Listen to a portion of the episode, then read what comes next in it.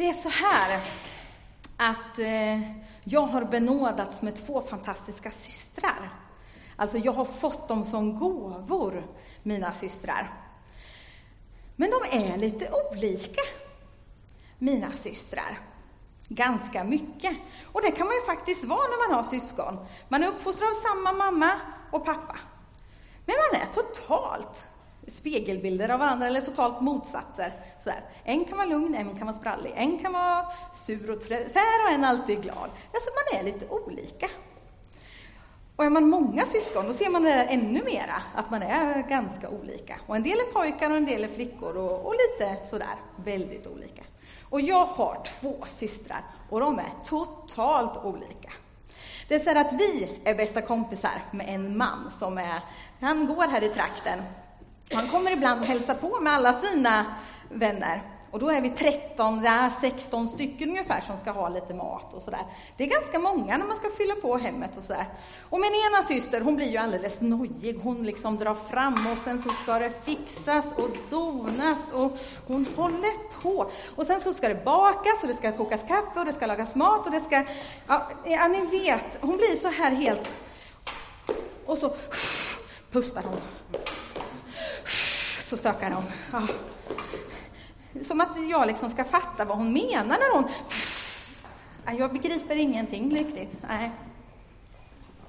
Ja, det är min ena syster. Och min andra syster, hon liksom bara glider ner och tänker att ja, härligt, vi har besök. Och jag vill höra vad de har varit med om sen sist vi sågs. Det händer så mycket spännande saker. Jag vill höra och jag vill vara nära. Det är så spännande att få vara med. Och min syster som sitter och lyssnar, hon lyssnar väldigt mycket på dem som pratar och, och beskriver saker om vad som händer. Men hon hör ingenting av vad min syster där borta. Nej, hon hör ingenting av det hon pustar och stökar om. Det begriper hon liksom inte och ser liksom inte. För hon har inte den gåvan att se just det där som behöver fixas och donas. De är totalt olika. Och så kan det faktiskt vara när man är syskon. Totalt. Ja, det är ju så häftigt.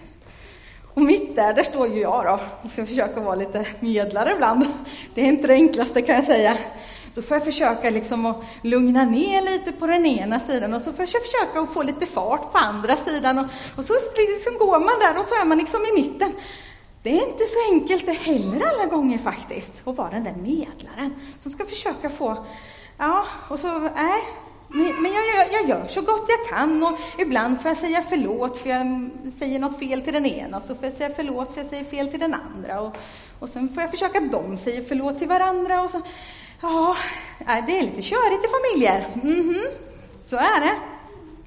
Och tänk i den här lilla, alltså vi är en enda stor familj. Och då tänker jag att någon av oss är den här lite som fixar och donar och någon av oss är den här som försöker att få det att bli lite bra. Och så en som bara, åh, jag sitter här och njuter för jag um, älskar att vara här.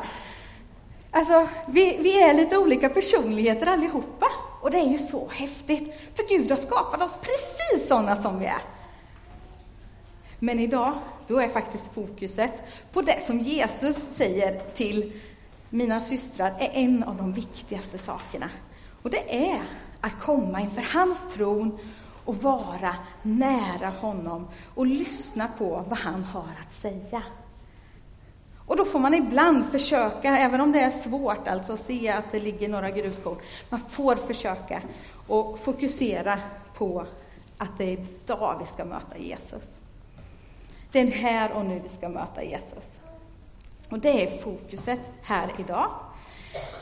Och är man i en familj så får man hjälpas åt att försöka hitta det fokuset. För någon av oss är bra på att hitta det fokuset och, och någon tänker på helt andra saker. Men tillsammans så blir man någon liksom sammansvetsare och helt unika. Jag ska läsa ifrån Kolosserbrevet lite innan det som Titti läste också. Och då så står det så här. Det här är till oss som församling. Ni har ju tackat ja till Guds inbjudan att tillhöra honom. Ni är hans egna och han älskar er. Därför måste ni ta på er en ny mänsklig natur och visa medkänsla och vara vänliga mot varandra. Erkänna era behov av varandra och behandla varandra med mildhet och tålamod. Ha överseende med varandras brister och förlåta den som har gjort er något ont. Herren Jesus har ju förlåtit er och därför måste ni förlåta varandra. Men det viktigaste av allt är att ni älskar varandra. För kärleken är det band som binder samman Kristi kropp, församlingen, så att ni kan leva med varandra i fullständig enhet. Låt era tankar styras av den frid som Kristus ger, för Gud har inbjudit er till att leva i frid med de andra delarna i kroppen, det vill säga församlingen. Och var alltid tacksamma. Låt allt det fantastiska som Kristus undervisar om ständigt påverka er. Vägled varandra på ett, på ett vist sätt och uppmuntra varandra genom att av hela hjärtat sjunga lovsånger till Gud. Jag sjung både nya och gamla sånger för att visa er tacksamhet. Men vad ni än säger eller gör ska ni hela tiden tänka på att ni tillhör Jesus, Herren Kristus. Eh, tacka alltid Gud, vår far, för det som Herren Jesus har gjort för oss. Det sammanfattar liksom allting. Bara ett bibelord som man liksom kan få njuta av. Att vi får vara de vi är tillsammans inför Gud och att han vill möta oss där vi är.